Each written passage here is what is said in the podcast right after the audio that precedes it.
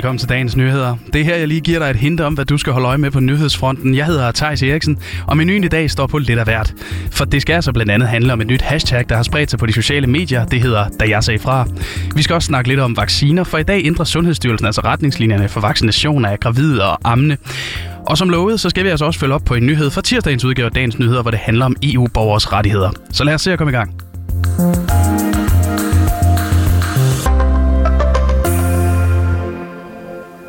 Og vi lægger altså ud med det her nye hashtag, der hedder, da jeg sagde fra. For det breder sig altså lige nu på sociale medier, og hvis ikke du er stødt på det endnu, ja, så tager vi altså lige en forklaring af det. Fordi vi har altså talt med Camilla Sø, der er debattør, og som selv var initiativtager til et hashtag, nemlig det, der hed En blandt os.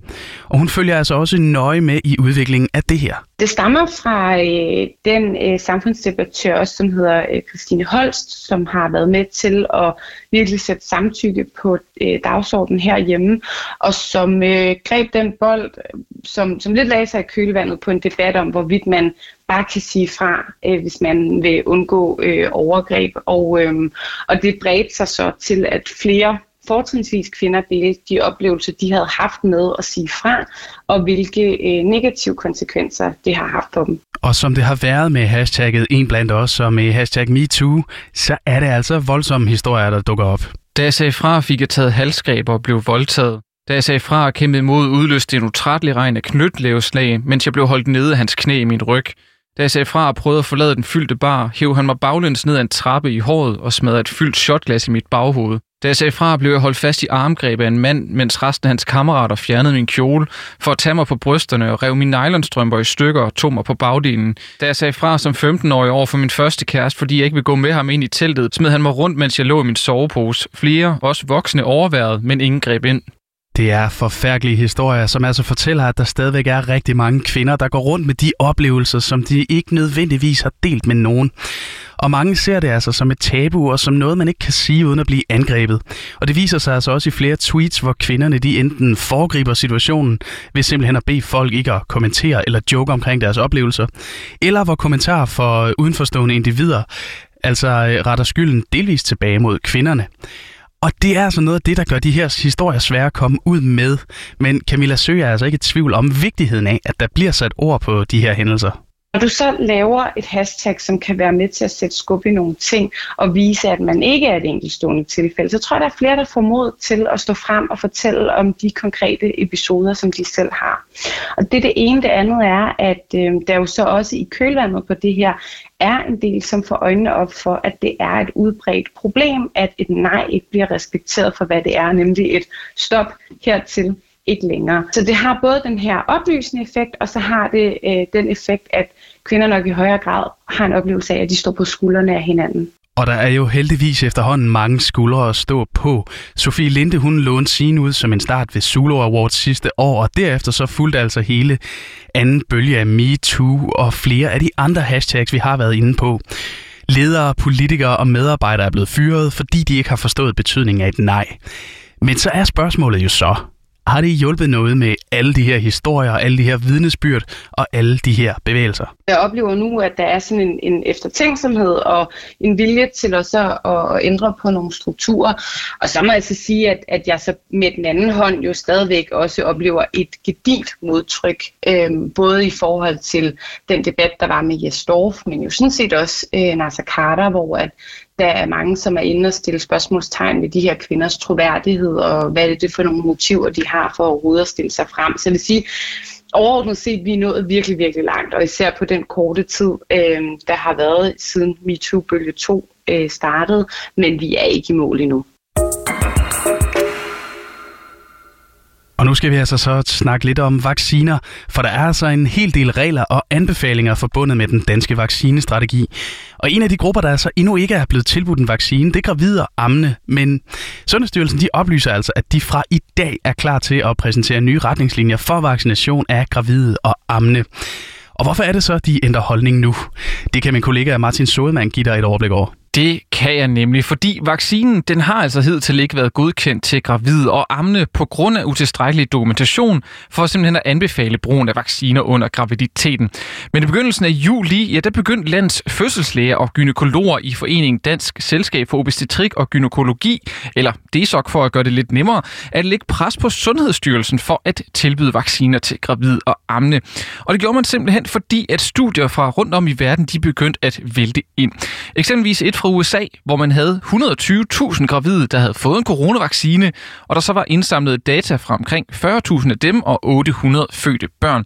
Og det viste altså ifølge DSOC, at gravide og amne, ja, de oplevede de samme bivirkninger som øvrige grupper i befolkningen, der har fået vaccinen. Og derfor så var der altså en betydelig gevinst at hente. For gravide, ja, de øgede risiko for en række alvorlige komplikationer for både sig selv og barnet, hvis de får et svært forløb med covid-19. Blandt andet på den her baggrund også, af de her studier, ja, det betragter Sundhedsstyrelsen så de gravide som en risikogruppe i forhold til covid-19.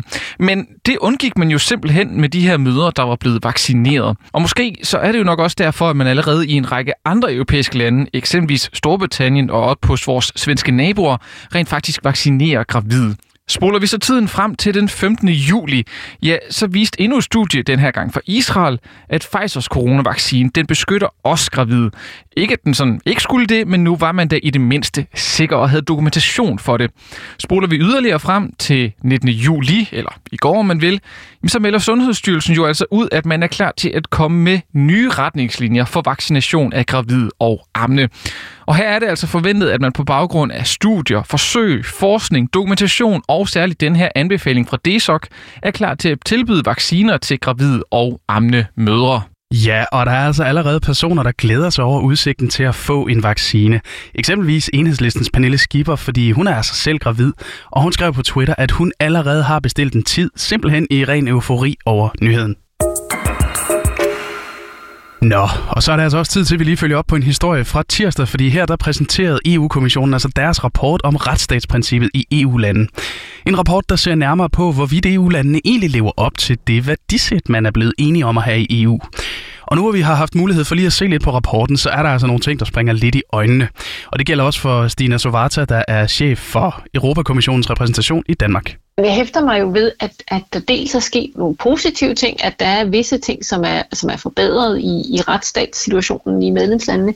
Men jeg hæfter mig også ved, at der er nogle rigtig alvorlige udviklinger. Altså der er to journalister, der er blevet slået ihjel siden den sidste rapport kom i september. Det er et, et voldsomt angreb på, øh, på mediefriheden og på vores allesammens behov for en, øh, en kritisk presse. Og så hæfter jeg mig på et, måske på en buskelov på en mindre alvorlig baggrund ved, at der er nogle af de ting, der blev påpeget i rapporten sidste år om Danmark, som, som stadigvæk ikke er, er løst, men som, hvor der er øh, måske forhåbentlig nogle, øh, nogle diskussioner på vej om de her ting. Ja, faktisk så kalder Stina det lidt for en blandet pose med den her rapport. Og hvis vi lige venter med at komme tilbage til Danmarks anmærkninger, så er der jo altså nogen, som EU de lige holder særlig øje med. For det er altså ikke nogen hemmelighed, at både Polen og Ungarn, de lige nu er de slemme drenge i EU-klassen. For uden deres manglende anerkendelse af LGBTI plus rettigheder, så er der altså også udfordringer i forhold til fri presse, særligt i Ungarn, mens tiltroen til retssystemet i Polen altså er meget lav. Og de to lande, de vil altså på baggrund af det blive inviteret til en del øh, venlige samtaler over den næste tid, fortæller Stina Sovata. Og mindre slemt, der er det jo altså i Danmark, men der er der altså også lige et par ting, vi skal have set på her.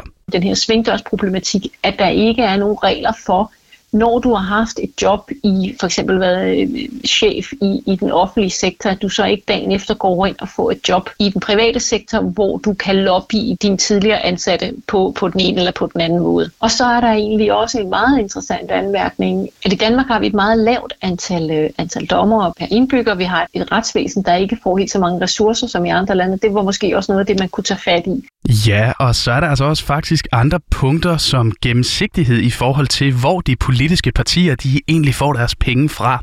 Og så vil man altså også arbejde hen mod, at det skal være lettere at søge agtindsigt i offentlige papirer, sådan så medierne altså bedre kan holde øje med, hvad de offentlige myndigheder egentlig laver. Men øh, det er altså generelt småting i forhold til nogle af de andre EU-lande, som man jo altså direkte kan sammenligne sig med ud fra den her rapport.